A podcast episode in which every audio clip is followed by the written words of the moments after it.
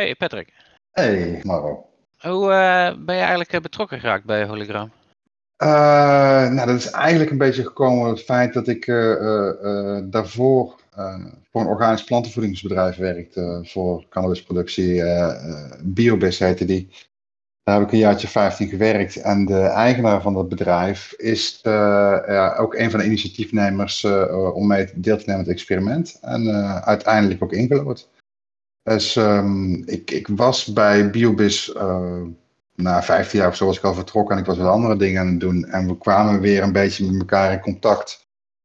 Um, omdat ik een beetje aan consultancy deed en omdat ik ook een vrij uitgebreid netwerk uh, in Europa en over de hele wereld had. En ja, zo raakte een beetje in gesprek over wat praktische zaken die, uh, waar ze mee bezig waren in de voorbereiding om zich aan te melden voor het experiment om daar eh, eh, een ticket voor te krijgen.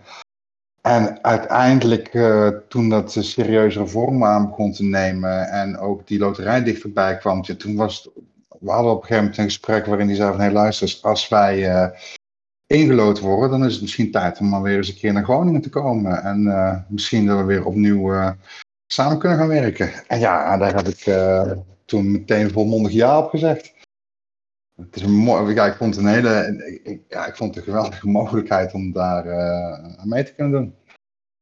Ja, snap ik. Want voor de goede orde, voor de luisteraars, Hologram was eerst bekend onder de naam Stichting Joinus en daarna Graasmeijers, maar nu is het Hologram. Hoe is, van waar die naam eigenlijk? Oh, oké, ja, dat, dat klopt. Um, um, ja, het is, uiteindelijk hebben wij zeg maar deelgenomen aan die loterij onder de naam uh, Grasmeijers. En uh, Grasmeijer is inderdaad, het is, eigenlijk een joint venture tussen, uh, tussen Jetsen, uh, de, uh, mijn oude baas van Biobis, en John en Ines Meijer van Joiners. En, en die samenwerking is Grasmeijers gaan heten. Um, maar uiteindelijk um, is dat zeg maar eigenlijk onze bedrijfsnaam en naar buiten toe als merknaam en de producten die we gaan voeren, hebben we gekozen voor de naam Hologram. En waar staat dat precies voor? Ik, zeg, ik leg het altijd als uh, um, um, uh, een combinatie. We, we, zochten naar iets om. Kijk, ja, weet je, je gaat, uh, je gaat aan cannabis kweken, je gaat wiet kweken, je gaat hash maken. Um, dus ja, we zochten naar een naam die daar, die daar leuk in zou passen en die ook ja, misschien ook wel een beetje internationaal zou kunnen klinken. Um, en uh, aangezien wij um, organisch kweken, dus we doen het met living soil, uh, zijn we een beetje op Hologram gekomen, omdat uh, ja, organisch kweken kun je, kun je omschrijven als een holistische methode. En met die holistische methode kweek jij een kwalitatief mooi grammetje, vandaar hologram. ah, oké. Okay. Ah, makes sense, makes sense. Oké. Okay. Je, zou, je zou misschien ook wel in eerste instantie werd een beetje, uh, klonk het ook een beetje als hologram, als heilig grammetje. En, en uh, ja, dat, die verwijzing vonden wij nou niet echt zo'n goed idee gezien de, de, de zienswijze van bijvoorbeeld de Christendemocraten en de ChristenUnie als het gaat over cannabis en alles wat er omheen hoort. die pluim die wilden we ze niet geven. nou, goed bruggetje, goed bruggetje, want ja, dankzij die uh, christelijke partijen zitten we immers uh, met een uh, wietexperiment en niet gewoon een landelijke wietwet. En het is, kwamen we ook in het voorgesprekje achter, het is alweer vijf jaar geleden sinds dat het experiment werd opgenomen in het regeerakkoord. Dus mijn, eigenlijk mijn volgende vraag, ja, hoe vind je eigenlijk dat het experiment tot dusver verloopt? Ik zit me wel ook even achter de oren te krabben hoor, dat het alweer vijf jaar is. Um, ja, hoe het experiment verloopt, ik denk, ik denk dat je gewoon wel een, het, oude gezegde uit de doos kunt, oude, doos kunt trekken. Geduld is een schone zaak. Um, ja, het gaat gewoon. Ja, ik weet niet waar het aan ligt, waarom, waarom er zo'n uh, enorme tijdsperiode overheen gaan. Heeft dat te maken met uh, extreme zorgvuldigheid? Of, of misschien toch ook het feit dat het een compromis is waarbij je gewoon toch elementen hebt die, die een bepaalde onwil hebben om het experiment een beetje vaart te geven, terwijl aan de andere kant er juist heel erg getrokken wordt. Um, ja, wat, wat, als voorbeelden kan ik noemen. Um, uh, we zitten nu al op de vijf jaar inderdaad. Het experiment is eigenlijk verstonden op een regeerakkoord opgenomen in 2017. de loterij om de 10 telers te kiezen, die was in december 2020. Dus dat is al drie jaar. Um, nou, vervolgens uh, weten die tien dan, oké, wij zitten erin. Dan gaan zij door een bibop, uh, screening. Dus waar, naar jouw financiële handelen wordt gekeken over een periode van vijf jaar. En wordt gekeken naar um, waar je investeringsgeld vandaan komt. Um, nou goed, dat is, een, dat is een procedure waarbij ze toen zeiden van oké, luister, we gaan het uh, ambtelijke apparaat of die afdeling Bibop, die gaan we die gaan prioriteit geven um, aan die screening voor die tien telers, want ze moeten tenslotte aan de slag. Dus dat, dat kwam eigenlijk als een vrij positief bericht voor ons natuurlijk. Uiteindelijk heeft dat uh, uh, voor de meeste van ons, een aantal waren er vrij snel doorheen, maar voor de meeste van ons heeft dat uh, tussen de acht, negen maanden, misschien wel een jaar. En, en in, in het laatste geval, wat is het, Lely Holland volgens mij, die hebben hun toewijzing gekregen dit jaar in maart, als ik me niet vergis. Zoiets, ja. Ah, ja, dus, nou goed, en doordat die, die, die, uh, die toewijzingen bijvoorbeeld, je, gaat natuurlijk, je kan natuurlijk niet echt al gaan bouwen op het moment dat je er nog niet doorheen bent. Uh, uh, je kan nog niet je bankopenrekening gaan openen, je verzekering gaan, af gaan sluiten. Dus ja, op dat moment sta je dan gewoon stil. Dus het uiteindelijke plan was dat we eigenlijk um, afgelopen zomer had het experiment moeten beginnen dat was eigenlijk het idee. Maar goed, omdat we dus, uh, ja, niet alleen wij, maar ook anderen behoorlijk veel tijd in die screening zijn kwijtgeraakt. Ja, dan moet je dus sowieso na een jaar lang wachten eigenlijk weer opnieuw opstarten. Um, en, dan, en dan ga je zeg maar in de normale malle molen van uh, ja, het opzetten van een bedrijf, het bouwen van een gebouw, uh, uh, het aantrekken van, of het uitkiezen van genetica, um, um, hoeveel mensen heb je nodig, dat soort zaken. Dus dat is nu op dit moment, uh, zijn we vijf jaar verder. Op dit moment kan je in ieder geval zeggen dat er al één teler is die eigenlijk al helemaal klaar staat in het startblokken. Dat er een aantal is, zijn die op zich al vrij ver gevorderd zijn in de voorbereidingen. En, en bij ons is toevallig morgen is de, komt de burgemeester langs op ons bouwkavel om de feestelijke opening van de bouw te vieren. Samen okay, met spannend. Ja, ik geloof nog met een, de, de mensen, wat is het, Frans Bromet van... Oh ja. die is erbij omdat hij bezig is met zijn tweede deel van de documentaire Legale Wiet. Dus die is er ook bij, want dat valt natuurlijk iets te film. Dus oké, vijf jaar is voorbij, maar ja, we beginnen nu wel toch echt ergens te komen. En um, ja, goed, ik, weet, ik wil het niet jinx of iets dergelijks, maar het oorspronkelijk, het is nu zo de prognose dat we eigenlijk in het tweede kwartaal 23 zouden moeten gaan beginnen. Tenminste, dat is eigenlijk vanuit de overheid uh, hebben ze dat aangegeven. Uh, maar omdat we nog steeds met het bankrekeningverhaal zitten bijvoorbeeld, een aantal telers, gaat het er naar uitzien dat het gewoon eind 23 gaat worden. Dus we hebben eigenlijk nog een dik, dik jaar te gaan voordat het echt gaat beginnen. Ja, maar ja, op zich, dat, dat heb je ook wel echt nodig, toch? Stiekem wel. Nu wel eigenlijk. Um, je, je, je, kan, je kan beredeneren van oké, okay, uh, eh, um, ehm, degenen die klaar zijn, ga, alvast, ga maar alvast beginnen. Um, wat ik uh, die mensen dan ook eigenlijk van harte zou gunnen. wij zijn dan nog niet zo ver. En, en komen er dan ergens achteraan gesukkeld. Nou ja, goed, dat, kan ook het voordeel hebben dat je in ieder geval zeg maar gewoon de eerste uh, die misschien in het systeem gaan ontstaan, dat je die dan niet mee hoeft te maken. Maar natuurlijk wil je niet, niet liever niet als laatste erbij komen. Als je nog ruim een jaar hebt, dan betekent het dat we uh, de bouw gewoon goed uit kunnen voeren. Daar zullen gegarandeerd ook nog wel wat vertragingen in zitten hier en daar als het gaat om van bouwmaterialen en dat soort zaken.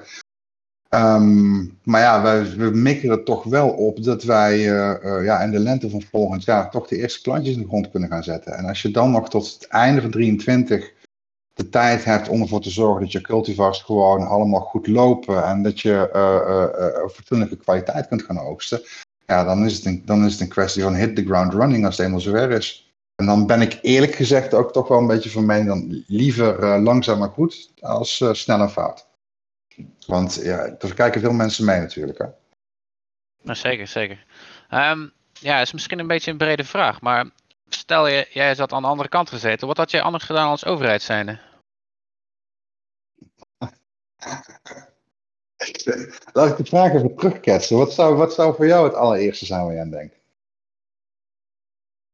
Um, nou ja, er zijn een aantal standaard uh, argumenten die je hoort rondom het uh, experiment. En uh, dat is onder andere waarom wordt het niet breder getrokken? Waarom maar in tien gemeenten? Waarom maar met tien telers? Ja, ja inderdaad. Um, dat zijn allemaal variabelen waaraan hadden, ja, die, die anders hadden kunnen zijn. Het, het, komt, het komt er eigenlijk op neer dat op het moment dat je, dat je daarover na gaat denken, dat, je, dat er eigenlijk meer vragen komen dan antwoorden. En dat heeft er volgens mij mee te maken, en dat is waar ik het denk ik ook anders gedaan zou hebben. Um, ja, is toch eigenlijk gewoon van, je kunt echt in het voortraject van, oké, we gaan een experiment doen, we gaan een bepaald systeem opzetten. Um, kijk nou bijvoorbeeld naar uh, recentelijk in Duitsland, um, waar in tegenstelling tot in Nederland natuurlijk gewoon zeg maar legalisering van cannabis in de, in de verkiezingsprogramma's stonden. Dus daar wordt al met een andere motivatie aan gewerkt. Maar daar hebben ze ja, toch zeg maar een soort vorm uh, in het leven geroepen. Waarbij ze gewoon uh, experts uit alle hoeken uh, en gaten die maar op een of andere manier verstand hebben van cannabis, op wat voor manier dan ook, als het gaat om, om, kweken, om distributie, om veiligheid, om criminaliteit. Omdat het gewoon mensen die daar een, een duidelijke en gedeeltelijk ook wetenschappelijke mening over hebben, en een, of een, een standpunt, die zijn bij elkaar gaan zitten, die zijn erover gaan praten. Van ja, oké, waar moeten we allemaal rekening mee houden? Wat is belangrijk? En, en, en dat is volgens mij niet echt in Nederland gebeurd. Er, er is misschien wel een. Mm, ja, wel. De, maar niet zoals de Duitsers het uh, hebben. Niet zo breed, hè? Nee, er zijn wel verschillende van die tafels geweest, waar onder andere de koffieshopbonnen hebben gezeten, maar ook vanuit uh, de, onze stichting uh, VOC heeft uh, Dirk Bergman ook aangesloten bij van die overleggen. Dus ze zijn er wel geweest, maar nou ja, welke input dan er ook al is gegeven um, en ook werd opgesteld door Knop Neris, die, die commissie en welke aanbevelingen werden gedaan, leuk en aardig, maar uiteindelijk heeft de politiek er niks van overgenomen. Ah, oké, dus er lag, er lag misschien ook toch wel een iets uh, liberaler of iets meer op, zeg maar, op de realiteit van de coffeeshopbranche gerichte plannen. Nou, de aanbevelingen van die commissie Knotneris waren op zich redelijk en die hadden zo overgenomen kunnen worden, maar uh, politiek heeft besloten er helemaal niks van over te nemen. Nou, dan, dan ben ik benieuwd of het aansluit met, met hoe ik het zou doen. Want like, sorry, als, als ik die keuze had, dan zou ik, en dan was ik eerder gegaan voor een, een, soort, een, een, een soort gesloten systeem waarbij een coffeeshop of bijvoorbeeld een groep coffeeshops in een gemeente um, um, zelf verantwoordelijk zijn voor de productie uh, uh, die ze uiteindelijk over de toonbank gaan verkopen. Dus, dus de coffeeshop weet zelf het beste um, wat hij wil hebben. Heeft vaak al toch al zeg maar een, een, een groep met mensen om zich heen gebouwd. Die ervaring hebben in het kweken van de kwaliteiten die shop graag wil hebben. En eigenlijk hebben die dan gewoon de mogelijkheid om dat gewoon op een normale en legale manier te doen. Weet je, dus, dus hetzelfde wat ze in Duitsland eigenlijk ook een beetje nu voor ogen hebben, is dus eigenlijk dat een, een, de coffeeshop daar, of de dispensers, hoe je het wil noemen, dat die gewoon aan de voorkant in principe de, de verkoop aan de eindconsument regelen. En dat aan de, achter, aan de achterkant een, een, een, een kweekruimte of een, een, een farm staat waar uh, de producten gekweekt worden die daar uh, verkocht worden. Dus je hebt in principe uh, figuurlijk onder één dak de productie, de verwerking en de verkoop. En dat is, dat is heel overzichtelijk. Dat is de, als je het wil controleren of als je het op een of andere manier wil screenen of het wel aan bijvoorbeeld uh, volksgezondheidsnormen voldoet of dat soort zaken. Als het gaat om schimmels of uh, verontreinigingen, dan is dat allemaal heel veel makkelijker te controleren. En tegelijkertijd zeg je tegen de coffeeshop ook van, hey, luister, we gaan niet proberen uh, voor jou te vertellen hoe het zou moeten zijn. Dat weet je eigenlijk stiekem zelf al. Dat heb je de afgelopen 30, 40 jaar ook zelf moeten regelen. Dus nou, ga er dan mee aan de slag. Weet je, dan krijg je ook een situatie waarbij er zijn echt shops waar, waar um, sommigen doen bijvoorbeeld ook mee aan een High Cup of zoiets dergelijks. Uh, waar je ziet dat ze gewoon zeg maar een, een, een kringetje van betrouwbare kwekers om zich heen hebben opgebouwd. Die het leuk vinden om, om een, een mooie, eerlijke kwaliteit te leveren. Ehm, en dat al, soms al, al, al, al 20, 30 jaar doen. En, en ja, die, die, die mensen die zijn nu ineens, uh, ook al was hun werk dan officieel illegaal, uh, die zijn nu ineens hun baan en inkomen kwijt. En dat is sneu. Um, um, toen, toen die plannen naar buiten gebracht werden, uh, zag ik ook ergens in een, een, citaat van Vera Bergkamp, die zich voor dat experiment had ingezet. Dat ze zeiden, ja, het kan natuurlijk niet zo zijn dat er uh, mensen met cannabiservaring uh, in dat experiment terechtkomen. En dan denk ik, nee, die moeten er dan nu juist wel in. Die mensen, ja. heb, je nou juist, die mensen heb je nou juist nodig.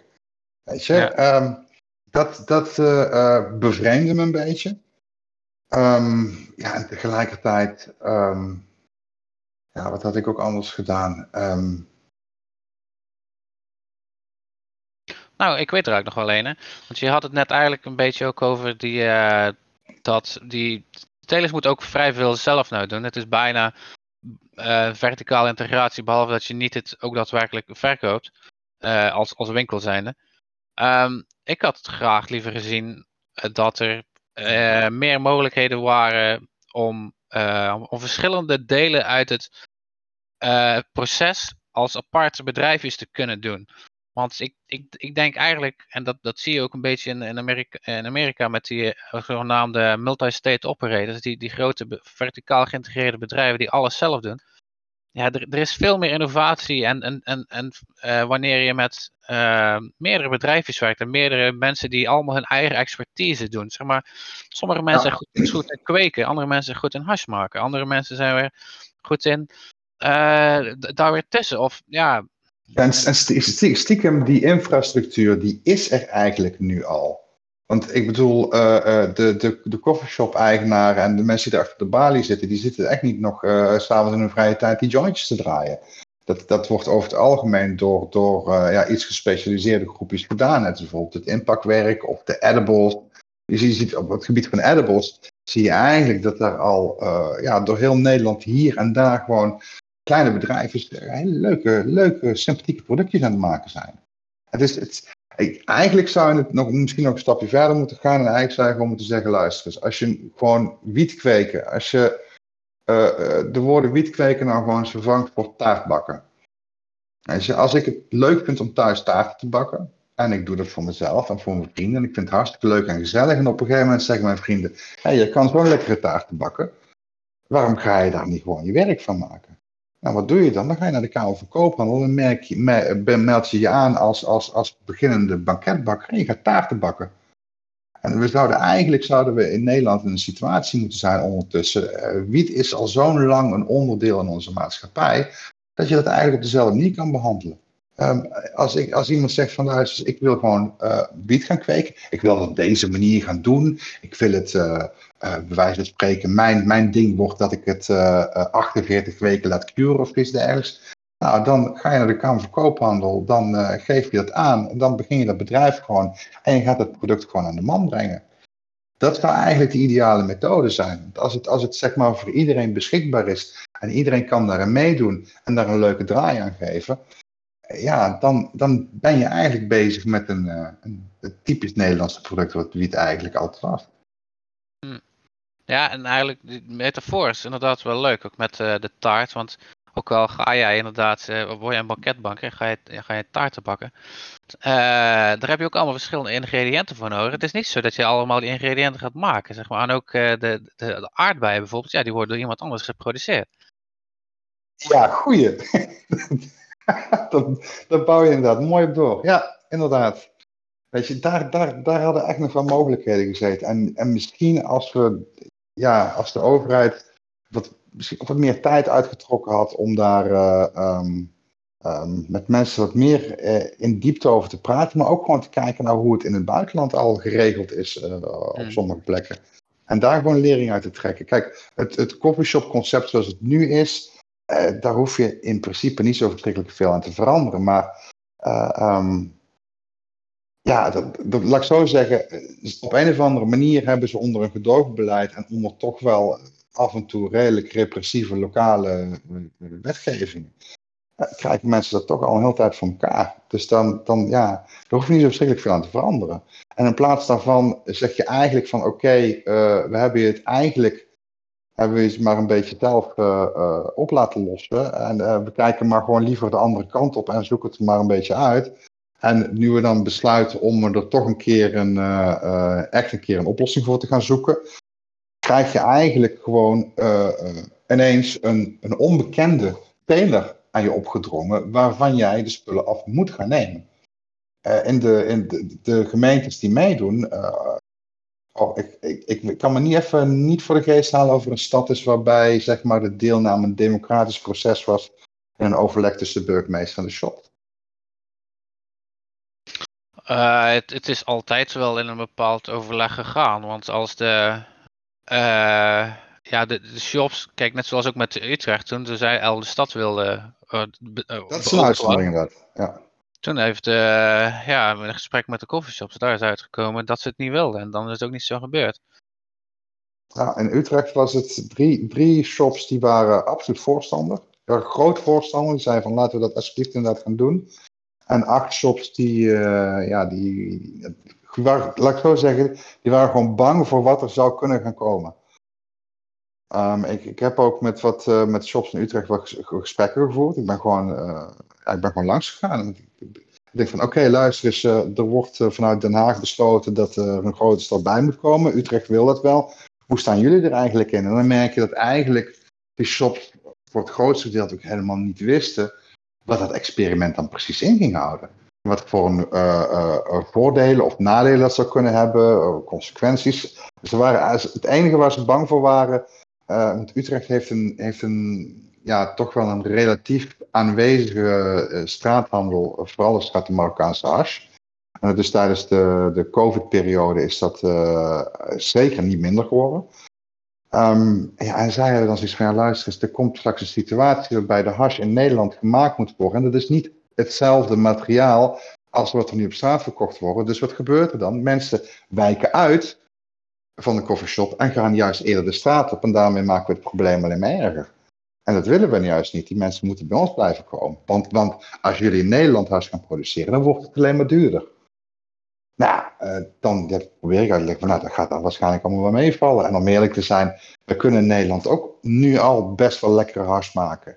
En als het uiteindelijk gewoon om een product gaat waarvan je weet van oké, dit is gewoon een netjes, schoon gekweekt product. Je weet precies wat erin zit. En het heeft gewoon een hele schappelijke prijs. Dan hoeft dat helemaal niet zo te zijn. En vaak zei shops dan wel van oké, hmm, misschien moeten we het dan toch nog maar uh, een keer overwegen. Maar ja, uiteindelijk hebben ze toch, heeft het gros er toch gewoon voor gekozen om dan liever gewoon nu nog even op dezelfde manier door te gaan. Dan uh, uh, ja, voor een onzekere weg te kiezen.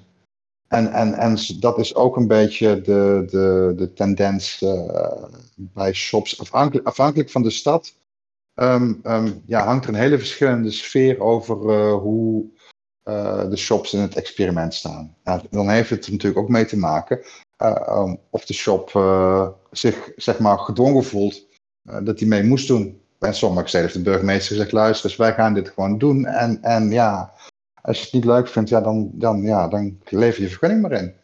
Ja, dat is natuurlijk ook niet echt uh, de manier waarop je dit wil, wil hebben. Weet je. Eigenlijk wil je gewoon een experiment gaan doen met een aantal kandidaten die uh, het ook leuk vinden om, daar, om daarin te duiken.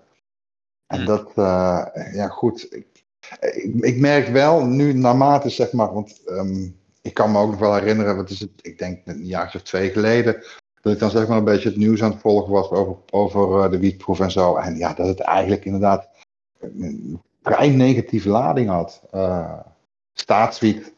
Ja, staatswiet klinkt inderdaad al, nou, daar heb ik ook niet echt zin in om eerlijk te zijn. Ik denk liever aan craft, craftwiet of zoiets dergelijks. Of, uh, ja, staatswiet is ook gewoon een term die verzonnen is door de Telegraaf. Serieus? Nou, kan je de Telegraaf ervoor bedanken hoor. Uh... Ja, net zoals uh, harskikkers. En uh, zij hebben het nog heel lange tijd nog hebben gehad over het spuiten van hars. Dus. Prachtig. Echt niet eigenlijk. Maar, maar ja, zo zie je wel hoe, ehm, ja, hoe, hoe, powerful woorden gewoon kunnen zijn. Ja, inderdaad. Want, want dat is dan op het einde van dat blijft dan, dan weer wel hangen. Oké, okay, wietproef vind ik op zich dan eh, vind ik geen slecht woord. Vind ik eigenlijk wel uh, lekker, ligt lekker. Staatsfiets. Uh, daar ligt dan weer de uitdaging in om dan te laten zien dat het, uh, ja. Ja, dat, dat de staat de naam eer aan gaat doen. Het, het, is ook feitelijk gewoon incorrect. De staat gaat helemaal geen wiet kweken. Nee, nee totaal niet. Het is, het is eigenlijk, zeg maar, in de, in, in de beeldvorming um, um, heb ik het gevoel dat dingen zijn gaan veranderen. Want, want weet je, dat is ook Daaraan kan ik bijvoorbeeld ook zien dat het uh, voor de buitenwereld misschien lijkt alsof het allemaal nog lang duurt en het allemaal nog ver weg is. Maar intern merk ik gewoon wat er overal allemaal aan het bewegen is. Hoeveel uh, mensen die ik uh, ken uit de cannabisbranche, uit de cannabisindustrie, die kennis hebben, die ervaring hebben, die passie hebben, die, die soms al hele leuke dingen maken en gemaakt hebben. Dat die langzaam en zeker overal een plekje beginnen te vinden. Dat de ene zegt dat bijvoorbeeld uh, uh, um, een breeder met hele mooie genetica heeft een plek gevonden bij die teler, die, die maar al te graag uh, die spullen wil gaan telen. Um, mensen die gewoon verstand hebben van hele mooie verschillende soorten hash maken, die, die hebben ergens onderdak kunnen vinden. En dan, dan merk je dus van oké, wacht eens even, als, als uh, als het staatsgebied is, als het mensen, mannen met stropdassen zijn, die straks uh, uh, met een koffertje binnenkomen met samples, dan denk ik van, hmm. Maar als het de mensen zijn die je sowieso eigenlijk al kende en, en, en die de ervaring en de know-how hebben, ja, dan ineens denk je van, oh, wacht eens eventjes. Maar als hij ook mee gaat doen en, en, en, zij zitten erbij en, en um, um, die mensen met die expertise zijn er ook bij, nou, dan zou er toch wel iets moois uit moeten gaan komen. En, en, uh, en dat merk ik de laatste steeds vaker. En dat maakt me eigenlijk wel gelukkig. En, dat, ik vind het dan vooral leuk als ik dan een keer iemand tegenkom die zegt: van, Het wordt allemaal helemaal kut. Want die mensen die dat gaan doen, die hebben nergens geen zak verstand van. Dan denk ik van, hey, jongen, kom eens, gaan we eens even zitten. Laten we daar eens even over gaan praten. En dan meestal uh, kan ik iemand wel van gedachten veranderen. En op het moment dat, dat bijvoorbeeld mensen dan ook komen en zeggen van, ja, hé, luister eens. Het is een Nederlands experiment. Wij Nederlanders, wij weten precies hoe we het moeten doen. Weet je, Nederlandse coffeeshops, Nederlandse wiet, Nederlandse kwekers. En die storen zich eraan dat bijvoorbeeld een Village Farm of een Aurora uh, uh, zich uh, zeg maar bij een aantal telers hebben ingekocht. Nee, dat, is, dat, dat, dat hoort er gewoon bij. Als, jij, als het experiment een, een, een reflectie moet zijn van wat de cannabisbranche vandaag de dag vertegenwoordigt, dan horen zulke bedrijven er ook bij. Sterker nog, misschien steken ze wel uh, iets op van hoe wij dingen in Nederland doen, wat ze kunnen gebruiken om, om dingen wat aan te passen uh, in eigen land. Ik, ik, ik, eh, ik kan het, om eerlijk te zijn, vind ik prima. Nee, snap ik. Um, ja, ik, ik, ik, wilde ook vragen naar hoe je die, die steun ervaart uh, uit de branche eigenlijk voor het experiment. Maar dat heb je een bepaalde, ja, eigenlijk ook al een beetje beantwoord. Maar toch blijft ook even een neveneffect van het experiment dat het verdeeldheid creëert. Hoe, hoe, hoe, merk je dat, zeg maar? En dat merk je inderdaad, dat merk je inderdaad wel, zeg maar, in de hoeveelheid, hoe, hoe de branche, zeg maar, het experiment ondersteunt. Um, die verdeeldheid, die zit hem in. Um, ik, denk dat je tot op een bepaalde hoogte kunt zeggen dat de shops die, die echt uh, rijkhalsend uitkijken naar de start van het experiment, dat het over het algemeen shops zijn die, um, die gewoon ook begrijpen dat op het moment dat het experiment begint, dat we dan de eerste duidelijke, concrete stap richting een verandering van uh, uh, imago en de positie van cannabis in Nederland gaan. Met andere woorden, dat de, de status en de gedoogvergunningen zoals die nu bestaan en, en de regels die daaraan vasthangen, dat die dan wel eens zouden kunnen gaan veranderen. Dat er zijn shops die zeggen van, hé hey, luister, misschien komen we dadelijk aan het einde van het experiment van in een situatie waarbij ik gewoon de shop van mijn, van mijn ouders mag erven. Dat ik de gedoogvergunning over mag nemen, wat nu niet het geval is. Um, um, shops waarbij de, de bedrijfsleiders of de eigenaren de, de, de volgende generatie is, die eigenlijk niet specifiek uit die industrie kwamen, maar die het wel leuk vonden om het bedrijf over te nemen en die gewoon ontzettend veel moeite hebben om ervoor te zorgen dat er geen rotzooi via de achterdeur binnenkomt. En die, die gewoon daar soms ook echt kopzorgen van hebben en er wakker van liggen. En met, met contant geld uh, moeten bewaren om mensen te kunnen betalen. En die zeggen van ja, ik zal zo blij zijn als ik van die onzin af ben. Hmm. En, en daar staan er natuurlijk shops tegenover die hun achterdeur misschien al heel goed en heel stabiel hebben geregeld. En uh, die het eigenlijk allemaal best en prima vinden zou. En die, die eigenlijk op dezelfde manier best nog wel uh, door zouden willen gaan. En die, die hebben dan zo'n beetje van ja, luister uh, die, die mensen die, die shops die het graag willen, die, die uh, verzieken het eigenlijk een beetje voor ons. Want de mensen die mij nu beleveren, als die straks uh, hun klandizie niet meer bij mij kunnen, wie zegt dan dat ze niet gewoon ergens een thuisdiertje neer gaan zetten en het dan maar gewoon zo direct aan de eindconsument gaan verkopen. En daardoor gewoon concurrentie gaat ontstaan. Um, er zijn ook shops die, die zeggen van nou luister eens, uh, we worden eigenlijk gewoon voor de zoveelste keer voor de gek gehouden, want het zal niet de eerste keer zijn dat er iets beloofd wordt en dat er dingen gaan veranderen en dat ik gewoon de deksel op mijn neus krijg. Uh, um, ik, van uitstel komt afstel en uh, ik, ik, zie dat helemaal niet zitten. Um, die verdeeldheid zit hem ook in het feit dat de een um, ja, zeg maar op een locatie zit waarbij het geen probleem is om, om een week voorraad neer te, leggen, eh, neer te zetten, om daar ergens een kluis neer te zetten en daar gewoon voor een week, en dat kan om enkele kilo's gaan, uh, op te staan.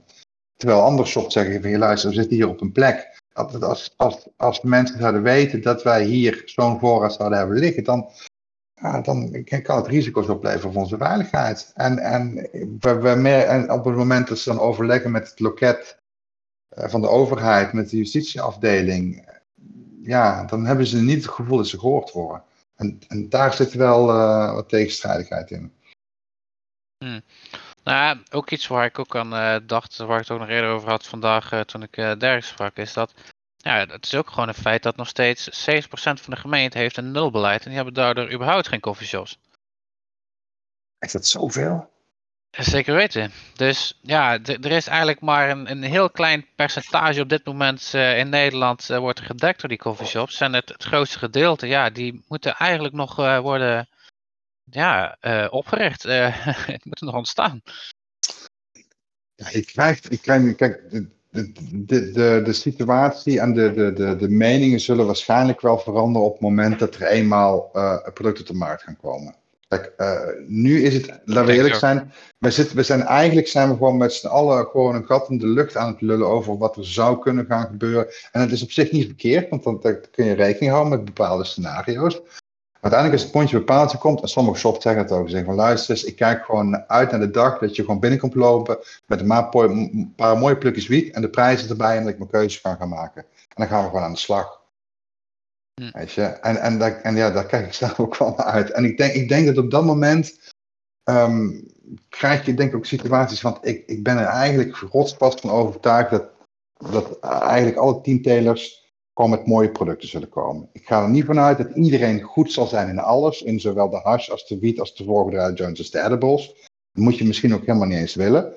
Um, um, ja, het, het, het, punt, het punt wat ik wilde maken is dat dat ik, ik, ga er een beetje vanuit dat, dat doordat er in die tien gemeentes uh, uh, mooie producten te krijgen zijn, in, inderdaad, mensen zullen ineens van, wacht eens eventjes, de, de, de, de echte uh, in Nederland gekweekte genetica van cookies is in die en die shop te krijgen. Weet je wat, ik ga niet meer naar de shop in mijn eigen stad, maar ik ga daar naartoe. Weet je, dat er een, dat er een, een aanzuigende werking gaat ontstaan in de tien gemeentes waar, die, waar de um, staatswiet te krijgen is. Uh, waardoor andere gemeentes en andere koffieshops gaan zeggen, hé, maar wacht eens even, wij willen eigenlijk graag mee instappen. En dat we eigenlijk, voordat het experiment überhaupt afgelopen is, ben ik een beetje utopisch, dat er misschien al, al veel meer uh, shops en gemeentes mee ingestapt zijn. En op het moment dat je ziet dat het een verbetering oplevert als het gaat om voorlichting, om volksgezondheid, um, dat er dan misschien ook uh, uh, steden zullen zijn of, of, of, gemeentes zullen zijn die zeggen van wacht eens eventjes, een koffieshop in onze gemeente, dat kan eigenlijk helemaal niet zo verschrikkelijk veel kwaad. Weet je, op het moment dat we dingen gewoon via de voordeur gaan doen en openlijk en mensen kunnen gewoon zien wat voor moois er afkomt en wat voor kwaliteit het heeft, kan dat gewoon bijdragen aan een verdere normalisering en emancipatie. van, van, van, van cannabis. Het, we kunnen daar hele grote stappen mee zetten, denk ik. Want het, Ja. het, het, het is niet meer zo van, oh, ik heb een coffeeshop in mijn, in mijn, in mijn gemeente. Nou, oké, goed. Dan weet ik dus dat er in mijn gemeente een hoop zwart geld omgaat. En dat er shady business gebeurt via de achterdeur. Ja, weet je, dat is een systeem waar we 40 jaar geleden voor gekozen hebben. En eh, nu gaan we er vanaf. En dat kan misschien dan toch nog wel net zijn de, de, de reden zijn voor gemeentes om die drempel over te stappen en te zeggen: oké, laten we het maar gewoon een beetje gaan verbreden door heel Nederland. Want uiteindelijk, als het puntje bepaald komt, Nederland heeft niet per se een enorme eh, hoog percentage aan, eh, eh, aan blowers of cannabisconsumenten. Hm. En dat heeft ermee te maken dat het relatief eenvoudig te krijgen is. Dus, dus een gemeente, als een gemeente zegt, nou weet je wat, wij gaan ook een koffieshop neerzetten, wil dat niet zeggen dat er ineens, dat ineens half Nederland eh stampeden daar naar binnen gaat hossen om wiet te halen. Want het is in principe overal. En als het overal is, dan is het normaal. En als het normaal is, is het eigenlijk veilig. Ja, Zeg ik, zeg, ik een beetje kort door de bocht. Mm, Ja, ik, ben ik het ook wel mee eens. Dat denk ik ook wel. Het is alleen de vraag hoe eh, de overheid er tegenaan kijkt als je inderdaad, eh, als het echt een doorslaand succes wordt, dat mensen vanuit eh, door heel het land naar die gemeente trekken en daar die wiet gaan kopen. Want dan zou het weer, heb ik ook wel eens er- ergens gelezen, dan, dat, dat zou ook weer niet de bedoeling zijn. Ja, dan denk ik ook van ja, maar ja, dat, voor mij betekent dat juist ook dat het een succes is. Maar Laten we hopen dat de overheid er toch even over eh, na gaat denken en het toch eh ja, op andere Ja, manier je, hebt, je hebt natuurlijk wel de situatie dat, eh, ja, weet je, het, het, het vreemde, het vreemde is, Nederland is 70% voor legalisering van cannabis. En de Tweede Kamer is 70% rechts en eigenlijk daar niet echt over te spreken. Dus, dus, dus eh, ja, laat ik zo zeggen, wat de samenleving wil en hoe dat weerspiegeld wordt in de Tweede Kamer, eh, het, eh, komt, komt alleen maar met elkaar overeen als het gaat om de, eh, de procenten. En dat is eigenlijk wel. eh, ik, je, je schetste dat, dat scenario laatst ook al inderdaad. En toen dacht ik van ja, daar, daar zit ook wel wat in. Wat als in de gemeentes eh, eh, die meedoen aan het experiment eh, de verkoop eh, omhoog gaat. Eh, misschien, eh, wat als we dat vertalen als een, een, nee, als een ongewenste reactie? Ja. Maar, maar dan, dan zijn we natuurlijk wel weer gewoon eigenlijk wederom gewoon eh, ja, scenario's aan het verzinnen, omdat we op dit moment eigenlijk nog niet concreet met dingen bezig kunnen zijn. En dat is, eh, ja, en ik, het is wel iets wat ik in mijn achterhoofd hou, absoluut. Maar tegelijkertijd, eh, weet je, ook als, als mensen zeggen van ja, weet je, er zijn, er, zijn hard, er zijn vrij harde regels, er zijn bepaalde dingen zijn vrij strikt. Het, het, eh, het eh, tracken en tracen van alle producten die je produceert is, ja, dat is, behoorlijk, behoorlijk streng. Maar tegelijkertijd ook heel transparant geregeld. Alle handelingen moeten in principe in de gaten gehouden worden. Maar dat zijn wel allemaal zaken die eigenlijk bedoeld zijn om ervoor te zorgen dat je op een gegeven moment een beetje vertrouwen gaat krijgen in hoe, hoe die situatie eigenlijk loopt. Want om heel eerlijk te zijn, eh, dat, dat, dat, dat weten ze eigenlijk helemaal niet. Coffeeshops eh, zijn wat dat betreft gewoon een, een vrij eh, gesloten afdeling geweest altijd in de Nederlandse samenleving. Dus, dus een, een, een, eigenlijk komt het er hier gewoon op neer dat je gewoon iemand die iets niet ziet zitten, dat je die eigenlijk gewoon met, op een, eh, met, met goede argumenten en met be- bepaalde dingen en voorbeelden laten zien en, en hoe dingen in de praktijk kunnen gaan, overtuig je ze van het feit dat de weg die ingeslagen is, dat die, eh, dat die eigenlijk best wel een goede kan zijn. Dus ik, op dit moment denk ik, wat, wat wij bijvoorbeeld als, als telers zouden kunnen doen, is gewoon ervoor zorgen dat we gewoon met mooie producten komen. Dat we de, de richtlijnen die gaan om volksgezondheid en om voorlichting en dat soort zaken, dat we die gewoon meenemen in de manier waarop we dingen doen. En dat mensen en, en proberen mensen eh, te enthousiasmeren voor eh, wat er straks gaat komen. Nu, nog iets wat me wel te binnen schoot, want eh, om terug te komen op die taart, of in ieder geval op edibles. Ja, Ehm, zover ik heb begrepen, mogen edibles alleen maar geproduceerd worden zoals het eigenlijk ook nu is toegestaan. En dat wil zeggen dat de wiet eh, ja, door het deeg wordt eh, gemengd. Ja. Waardoor je, ja, je niet echt die infused edibles krijgt zoals, zoals we die kennen uit Amerika. ja extracties eh, mogen niet. Je mag geen extracties gebruiken. Dus we mogen ook geen. eh, ehm, Ja, wat is het van, die- van die, die dep-producten en dat soort zaken durven we, mogen we, of durven, mogen we niet eh, eh, op de markt brengen. Dus, dus inderdaad, als je edibles gaat maken, dan, eh, nou goed, hashbonbons is dan nog relatief makkelijk. Dat is iets wat we sowieso wel kennen. Ja, ja. hars eten is trouwens ook al zo oud als toen Napoleon het op een gegeven moment verboden had. Mm. Ehm, je zou dan inderdaad met, eh, met Charles of met Kief zou je bepaalde dingen kunnen doen. Ehm, maar waar ook mogelijkheden liggen, en ik ben helaas dan, eh, ik ben zelf niet echt een, een taartenbakker in de let- letterlijke zin, maar Roizen bijvoorbeeld mag wel. Daar kun je, daar, daar kun je wel weer met dingen. En, en, en dat kun je dan wel weer op een, een iets eh culinairere manier verwerken. En, en daarnaast, ja, kan het me bijna niet voorstellen, maar de goede oude wietboter ehm, moet toch zeker ook nog wel een optie kunnen zijn. Daar heb ik laatst ook wat vragen over gehad en daar ben ik helaas nog niet ingedoken. Maar uiteindelijk is het, eh, is het ehm, als ik het goed vertaal, is het op het moment dat jij iets eh extraheert, wat hash maken eigenlijk is, eh, en je, je maakt daarvan niet gebruik van een, ehm, een eh, extern element, dus bijvoorbeeld boter, dan is het toegestaan. Dus op het moment dat jij gebruik maakt van eh, natuur, natuurverschijnselen, om het maar zo te noemen, dus, dus eh, hitte of eh, kou of ijs. Weet je, als je ehm, zwaartekracht, als je gaat trommelen om pollen op te vangen, dan is dat een extractiemethode die is toegestaan. En boter is dus niet iets wat, eh, wat in dat raadje thuis hoort. Maar roizen is dat wel, want je gebruikt het enige wat je doet is hitte toepassen om te extraheren. Mm, en eh, druk. Eh, en druk, inderdaad. En dus ook, eh, inderdaad. Ehm, Dus na, na, naar jouw idee, als je de regels interpreteert, mag rosin gewoon worden verkocht en gemarkt. ehm, roizen zou je mogen verkopen, ja. Ja, inderdaad. Ehm, wij, wij gaan het voornamelijk gebruiken voor onze edibles. Ehm, en, ja, tenzij er eh, ineens een gigantische markt eh, daarvoor zich aandient. eh, Nou ja, er, er- er is nog een ander probleem. Hè? Je hebt natuurlijk. ehm, ik, ik, ik, betwijfel een beetje of dat dit waar is. Maar goed, laten we het even in het midden laten. Stel- dat het inderdaad wel mag.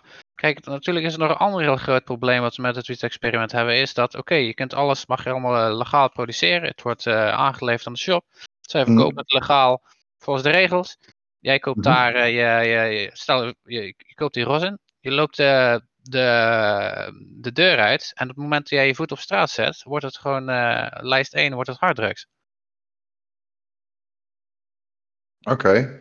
Ehm, dat, maar dat, die, die situatie heb je nu ook al als je een edible koopt in de winkel. Eh überhaupt, hè, als je wiet koopt in eh, een coffeeshop, het is eigenlijk eh, legaal op de, ja, gedoogd binnen een coffeeshop, maar zodra het de straat oploopt, ja, als, als, als een politieagent je echt wil dwarsbomen, dan, dan mogen ze het gewoon van je afnemen, al heb je één gram bij. Oké, dat is interessant. Ik weet niet hoe, ik weet niet hoe dat in de wetgeving in elkaar zit. Het enige, ik laat zo zeggen, het enige wat ik op een gegeven moment intern met wat mensen eh, heb uitgezocht, is hoe het zit eh, eh, met de ingrediënten voor de edibles. En daarin was roizen in ieder geval toegestaan. Dus kijk, als, als jij zegt van oké, luister eens, dat, dat, dat kan wel, het is allemaal heel leuk en aardig, maar het pure roizen product, daarmee mag je niet over straat, dan moet ik dat even ter kennis aannemen dat het zo is. En dan is dat. Ja. het, lijkt zo, het- op dit moment wordt er zeg maar over de producten die wij als producent aan mogen bieden bij coffeeshops. Dan praten ze over eh, cannabis, over hash, over voorgedraaide joints en over edibles. En over geen, enkele, geen enkel ander product. Oké. Dat, dat, dat, kom ik, eh, eh, dat, kom ik, dat ben ik nergens tegengekomen. Want stel als je rosin zou mogen maken, dan zou je ook van die vape-pennetjes mogen vullen. Ah, interessant. Ik, ik, ik zou, eh, Mauro, ik zou het eerlijk gezegd, ik zou het niet weten. Ik, ik, kan, ik kan er van alles over zeggen, maar eh, ik, eh, ik, zou, ik, weet, ik, eerlijk gezegd weet ik het niet.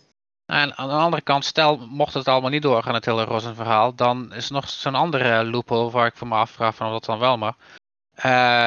Ja, de- je- er is tegenwoordig als je op zo'n grote schaal produceert en, en je, je doet alles volgens de optimale dingen, dan, dan kun je gewoon een, een uh, isolator, een ijswaterextractie maken. Die gewoon ja, door kan gaan als, als bijna hashol. Want je kunt het gewoon dabben, je kunt het ja, op dezelfde manier gebruiken. Dus ja, is dat, is dat dan wel toegestaan? Is dat dan ook niet toegestaan? Weet je wel, zoals eigenlijk op dit moment ook is, zover ik weet, is, is isolator eigenlijk ook verboden. Sowieso, het, het, het, verwerken van cannabis staat in de opiumwet als verboden. Daarom mag je geen olie maken, je mag geen boter maken, je mag ook geen isolator maken. Mhm. Maar er wordt dan door, uh, wordt het uh, onderuit gekomen door een klein beetje uh, plantenmateriaal toe te voegen aan die, aan die. Dat, ja. Dat heb, ik, dat, dat, heb ik, dat heb ik wel eens eerder gehoord, inderdaad, ja. Um, dus eigenlijk, eigenlijk maak je een heel mooi schoon puur product en vervolgens moet je hem dan met dat plantmateriaal verontreinigen om binnen de maas van de wet te vallen. Ja, want anders is het gewoon lijst 1. Oké. Het is natuurlijk ook nog steeds zo dat ook al gaan we met, met het experiment aan de slag, tijdens het experiment is, is de, uh, cannabis nog steeds uh, officieel een illegaal product. Zeker. We hebben, we, hebben daar een, we hebben daar een uitzonderingspositie in, maar uiteindelijk ja, is het, is het, zijn we nog niet zo ver dat je kan zeggen van het is gelegaliseerd of gedecriminaliseerd of iets dergelijks. We zijn alleen nog maar bezig met een experiment. En dat brengt natuurlijk dan ook weer de, de nodige problemen met zich mee. Want ehm, ja, zoiets als bijvoorbeeld BTW terugvorderen op het moment dat je, dat je gaat bouwen en dat soort zaken, ja, dat gaat niet. Je kan geen BTW terugvorderen op een product wat illegaal is. Hmm. En dat is, ja, dus er, komt, er komt er een keertje extra bij. Um, en dat zijn wel van die dingen van je denkt van ja, dat is kut. Maar ja, doe maar. Laten we er maar gewoon omheen werken. Want ja, ik, het, uiteindelijk het doel wat ik nog steeds voor ogen heb. En de reden waarom ik zeg maar de, de, de, de negatieve dingen of de, de, de, zaken waarvan ik denk dat ze eigenlijk anders zouden moeten zijn. De reden waarom ik die eigenlijk voor lief neem. Is omdat het hoe dan ook, gaat er uh, eind volgend jaar een situatie uh, ontstaan. Waarbij ik gewoon iets mag doen waar ik eigenlijk mijn hele leven al van gedroomd heb. En dat is gewoon dat ik gewoon bij, bij mijn klanten aan mag komen lopen. Of nee, sterker nog, ik kan ze uitnodigen bij mij. En we kunnen gewoon gaan zitten met mooie wiet. En we kunnen dan naar kijken, we kunnen naar proeven. En, en, en we kunnen en die shop van, ah, hier maak ik mijn, mijn, uh, mijn special van. Uh, weet je, het gaat gewoon mooi worden. Ik ga me erop verheugen gewoon. Ik bedoel, dat is ergens in 1985 heb ik ooit een keer mijn eerste zaadjes in de grond geplant. En het feit dat ik nu uh, tig jaar later gewoon, uh, ja, gewoon het gewoon open en bloot mag gaan verkopen. Dat gewoon iemand gewoon, één shop die zegt, die zegt van luister, ik kan gewoon straks gewoon lekker op het strand zitten met mijn laptopje. Ik kan kijken wat mijn voorraad doet in mijn shop en dan vervolgens stuur ik gewoon een. Uh, ik log in op jouw website. Ik, ik, ik, doe mijn bestelling. Ik krijg een factuurtje, die maak ik over van bank. En het wordt gewoon ingepakt. En wel wordt het gewoon bij me afgeleverd. Geweldig. Hoe mooi kan het zijn? En daar, daar verheug ik me op. Ik denk dat er gewoon. op het moment dat we echt gaan beginnen. Dat heb, ik, dat straks ook al genoemd. Ik denk dat er dan echt een omslag plaats gaat vinden. En ik denk dat dan ook bijvoorbeeld de landelijke journalistiek of de plaatselijke journalistiek, wat ook, er ook op gaat duiken en die dingen gaat zien. En, en als dat zich dan een beetje resoneert naar, uh, naar de landelijke politiek ook, je, dat we gewoon de goede kant op gaan, dat dan ja, een beetje, met een beetje mazzel hebben we in die evaluatie die voor 2025 gepland staat, uh, ja, hebben we dan al goede punten gescoord. Of het andere scenario, zoals je het ook al benoemd hebt, is dat een signaal om te zeggen, nou we trekken de stekker eruit, want uh, Nederland wordt uh, straks nog één grote voetstok of zoiets dergelijks. ja. Wat natuurlijk ook zo uh, vreemd is aan het hele gebeuren is dat inderdaad, het is vijf jaar geleden in het regeerakkoord geschreven. Alleen ja, de wereld verandert ook gewoon door. De, de, ja, op een gegeven moment gaan we een situatie krijgen zoals het er nu naar uitziet dat gewoon volgend jaar zomer cannabis is gedecriminaliseerd in Duitsland. Dus niet alleen bezit, maar ook gewoon thuis deelt. Er zullen nog geen winkels zijn. Maar zoals het er nu naar uitziet, zoals zij de plannen hebben bekendgemaakt, willen zij gewoon in januari 2024 beginnen met de verkoop van wiet. En dat zal waarschijnlijk in het begin zelfs geïmporteerde wiet zijn. een ja uit Canada van die grote Canadese bedrijven. Of ja. eh, ja, het kan ook uit Colombia trouwens. Daar hebben ze ook eh, van die. eh, doen ze ook, dat doen ze ook nu al, hè? Van die medicinale cannabis exporteren van Colombia naar, naar Duitsland. Dus Die, in- die infrastructuur ligt er al, ja. Maar er, gaat, wat, wat is de prognose? Ik had, ik had eigenlijk begrepen dat, dat Duitsland eerder ging voor eh, legalisatie en niet voor decriminalisatie. Want bij legalisatie ga je dan dus eigenlijk zeggen, de- deze plant is toegestaan alleen eh, voor de mensen die wij aanwijzen. Dus een, soort gunningsstelsel. En bij decriminalisatie zeg je, dit, dit plantje is niet niet meer illegaal, dus iedereen mag lekker taarten gaan bakken. Ja, het is een beetje eh, inderdaad. Wat wordt er precies mee bedoeld? Ja, je kunt het ook legalisering noemen volgend jaar zomer in Duitsland. Zoals ze het hebben aangekondigd tenminste. Ehm, alleen, ja, er zullen nog geen winkels zijn die het kunnen verkopen. Want die winkels zijn er nog niet. Ja, misschien zullen bepaalde ook uh, apothekers misschien ook mogen doen. Er zullen clubs ook het mogen doen. En natuurlijk is uh, de productie nog niet, uh, die, kan niet zomaar starten. Maar ja, dat is op zich een situatie die weer lijkt op wat er nu gebeurt in onder andere New York, maar ook Virginia. En er zijn nog een paar van die, uh, Rhode Island volgens mij, ik las het laatst ook nog even. Die dus wel al gelegaliseerd hebben, maar nog, waar nog geen legale verkoop is. Hoe moet dat dan eruit zien? Nou, op dit moment is New York eigenlijk Nieuw Amsterdam. Gewoon uh, bijna letterlijk. Ze zitten daar ook met een soort van uh, ja, gedoogbeleid. En laten een beetje oogluikend ook uh, ja, de, verkoop van cannabis toe. Hmm. Ja, uiteindelijk is het natuurlijk ook. Kijk, kijk bijvoorbeeld naar Thailand. Weet je, op de, op de dag dat ze in Thailand um, cannabis legaliseerden. en sorry, de, de, volgende ochtend stonden overal op straat al kraampjes en stalletjes met mooie toppen wiet te koop. Um, waar kwam dat dan vandaan? Dat zal in Duitsland, lijkt mij dan toch ook wel het geval zijn. En ik, op het moment dat ze dan, trouwens, die decriminalisering, um, had die minister die daarover ging in Duitsland niet daar toch nog eventjes de rem op gezet? Even, nou, uh, dat weet, weet ik ze net nog niet. Nee, er hebben nu uh, drie, hoge, ja, drie ministers van onder andere Volksgezondheid, Financiën en welke is het nog? Justitie. Die hebben eigenlijk staan eigenlijk allemaal op één lijn. En dat is gewoon, uh, in ieder geval zoals ook de SPD uh, recentelijk bekend maakte. Zij zien gewoon in de volgende zomer is het gewoon uh, legaal in Duitsland. En vanaf januari 2024 ga je het legaal kopen in Duitsland. Volgende de zomer al. Ja, dat zou mooi zijn. Dat komt, dat komt dan hopelijk ook mooi overeen met dat wij eigenlijk in de startblokken staan om te gaan beginnen. Um, wellicht ontstaat, ik bedoel, in het oorspronkelijke plan staat ook geschreven dat als er voldoende telers er voldoende voorraad hebben om de shop vanaf dat moment te gaan beleveren, dan begint het experiment in principe al. Ook al zijn er dan misschien een aantal telers nog niet klaar. Of dan nog van afgeweken gaat worden, is natuurlijk wel speculatief. Maar misschien, ja, nou, laat ik zo zeggen, missen we de, missen we de boot dan net niet. Dat zou mooi zijn. Want, want ja, uiteindelijk is het natuurlijk wel gewoon van de zotte dat, uh, dat we eigenlijk gewoon uh, op dit moment links en rechts worden ingehaald. Gewoon.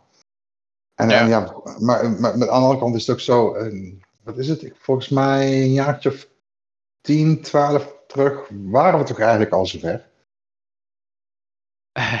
Ja, we waren al veel langer zover dat we het af hadden kunnen maken.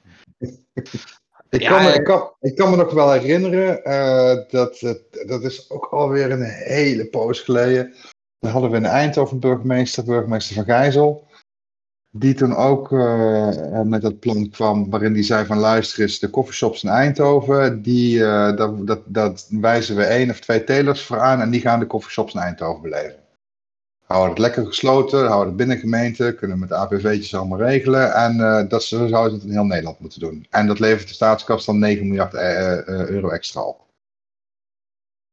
Tja, het had, nog veel, het had nog veel eerder kunnen gebeuren met uh, Paars. toen wilden ze ook overgaan tot regulering. Maar ja, werden we vanuit Frankrijk door Chirac een narco-staat genoemd. En toen... dat is toch niet te, is toch niet te geloven, hè?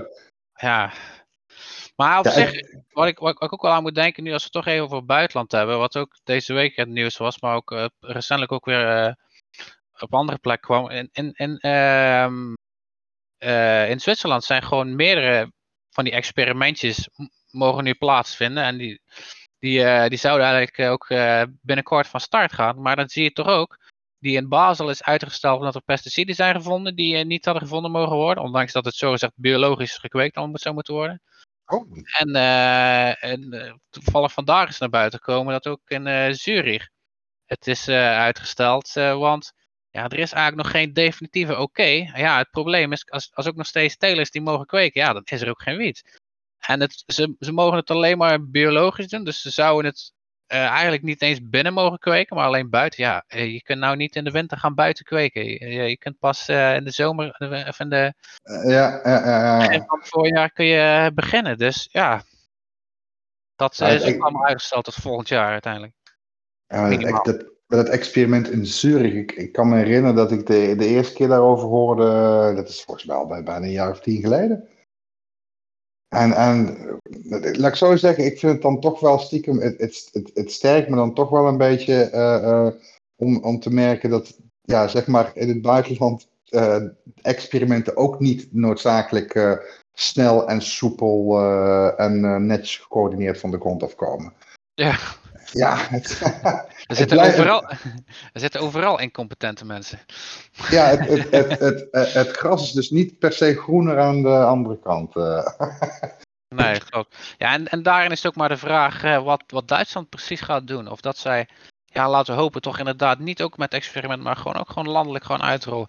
En dan is, dan, is die andere, die ook vrij verrassend uh, eruit kwam met Tsjechië, die ineens ook wil gaan legaliseren. Ja, ja dat, ik, dat, dat, daar sta ik echt mijn oren te flapperen. Wat, wat is dat voor een gejojo? Ja, ik bedoel, nieuwe regering. Ik, ik bedoel, ik kan, ik, ik kan me nog. Ja, oké. Okay, nou goed, uh, hopelijk blijven ze er nog een tijdje zitten.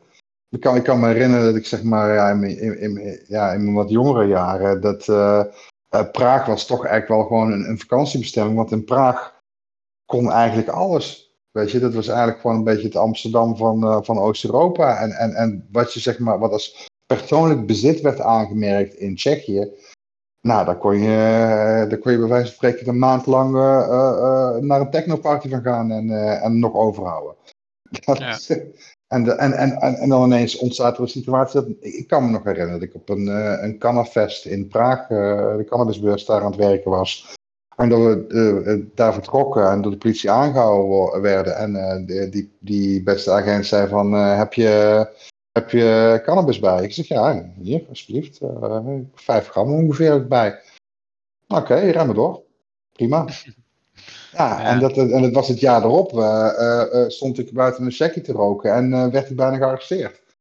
Ja, ja, ja, ja. ja dat is ook nog, die, die, keer dat ik ook op Cannabis was, weet ik nog dat Franco was opgepakt voor uh, het, het, roken van een joint, ja. Ja, dat, het mocht niet. ja, maar anderzijds, ja, het vreemde is, er mag wel een Cannafest daar gebeuren. En proberen in Nederland zo'n beurs te organiseren, dan, ja, dat, dat lukt gewoon niet. Er zijn meerdere mensen die het gewoon hebben geprobeerd. En ja, daar mag het wel. Kijk, kijk, kijk ook dan naar de situatie waarbij je in Nederland of in Duitsland onder het motto van de persvrijheid uh, meerdere cannabis magazines uh, uh, beschikbaar zijn die helemaal vol staan met tweets en informatie erover. Terwijl in Tsjechië um, um, die geluid, um, hij is uiteindelijk schuldig bevonden, toch? Hij is schuldig, schuldig bevonden, ja. Ja, Robert. Robert, ja, is de, de, de, de, eigenaar van het, van het magazine Legalites of, of, of hoofdredacteur? Ja, ja, ja, ja hij, is, hij, is, hij is beide. En ook, uh, en ook parlementslid, of hij is ook wel eens een keer verkozen geweest, voor, of misschien nog steeds, voor de Piratenpartij. Dus nee, dat klopt. Dat is een heel uh, vreemde situatie. Uh, als we nu toch even inderdaad over het buitenland en over hoe, hoe, hoe, het wel kan en hoe het anders kan. Ja. hoe, hoe, ja, wat, wat, denk je dat er eigenlijk gaat komen nadat het experiment, ja, laten we dan maar zeggen, succesvol is verlopen? Wat, wat komt erna? Ja, dat is een hele goeie. Hè? Um, ik, denk, ik denk uiteindelijk, um, als je ook kijkt naar die uh, wietwet die al door de Tweede Kamer is aangenomen, hmm. um, denk ik dat, er, uh, uh, dat we voor een, een, een vergunningsstelsel gaan. Dus dat er veel meer vergunningen beschikbaar zullen komen, omdat uiteindelijk het hele land zeg maar via niet per se uitgeloten telers, maar uh, licentiehouders of vergunninghouders die, die door een bepaalde selectieprocedure gekomen zijn, dat die dan uiteindelijk de producten voor de Nederlandse markt gaan, gaan produceren. En dat er dan ook een situatie kan ontstaan dat je gaat zeggen van oké, nu kunnen bedrijven zich bijvoorbeeld ook gaan specialiseren in het maken van uh, non-solvents, uh, van extractiemethodes, uh, van V-pen en dat soort zaken. Dan, dan, hmm. dan ik, ik hoop er een beetje op dat met de normalisering of met de legalisatie of decriminalisatie, of hoe je het beter ook wil noemen, welke weg ze gaan kiezen, dat daarmee de weg wel opengemaakt wordt voor um, dat zeg maar het complete spectrum aan producten die je met dat mooie plantje kan, uh, kan maken, dat die dan vervolgens beschikbaar gaan worden. Dat er bijvoorbeeld ook meer mogelijkheden zijn voor, voor mensen zoals uh, Rinus de Supernuver, uh, Werner Bruining, um, maar ook andere organisaties die, zich bezig kunnen houden met, met, met wietolieproductie voor medicinaal gebruik, um, pleisters en dat soort zaken. Daar, ik, daar ga ik wel een klein beetje van uit. Het is, en daarnaast, uh, en dat is, uh, ja, dat komt wel een beetje vanuit mijn uh, persoonlijke um, zienswijze. Ik hoop dat gewoon dat in Nederland zeg maar de thuissteelt niet over het hoofd gezien wordt. Ja, dat hoop ik ook ten zeerste.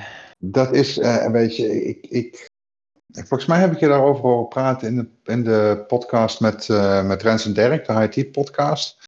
Dus je hebt toch eigenlijk ook wel zoiets van luister, we moeten eigenlijk gewoon decriminaliseren. Want bij decriminalisering eh, is het plantje gewoon is niet meer in het strafrecht opgenomen. En daarmee is het gewoon een vrij product geworden om daarmee gewoon een beetje te doen wat je, wat je leuk vindt. Voor persoonlijk gebruik, als hobby, uh, omdat je het lekker of leuk vindt. Uh, daar zouden we eigenlijk een beetje aan toe moeten gaan. Dus heel simpel. Um, um, uh, zoals bijvoorbeeld in Zuid-Afrika uh, eigenlijk zeg maar cannabis nu bijna helemaal gelegaliseerd is.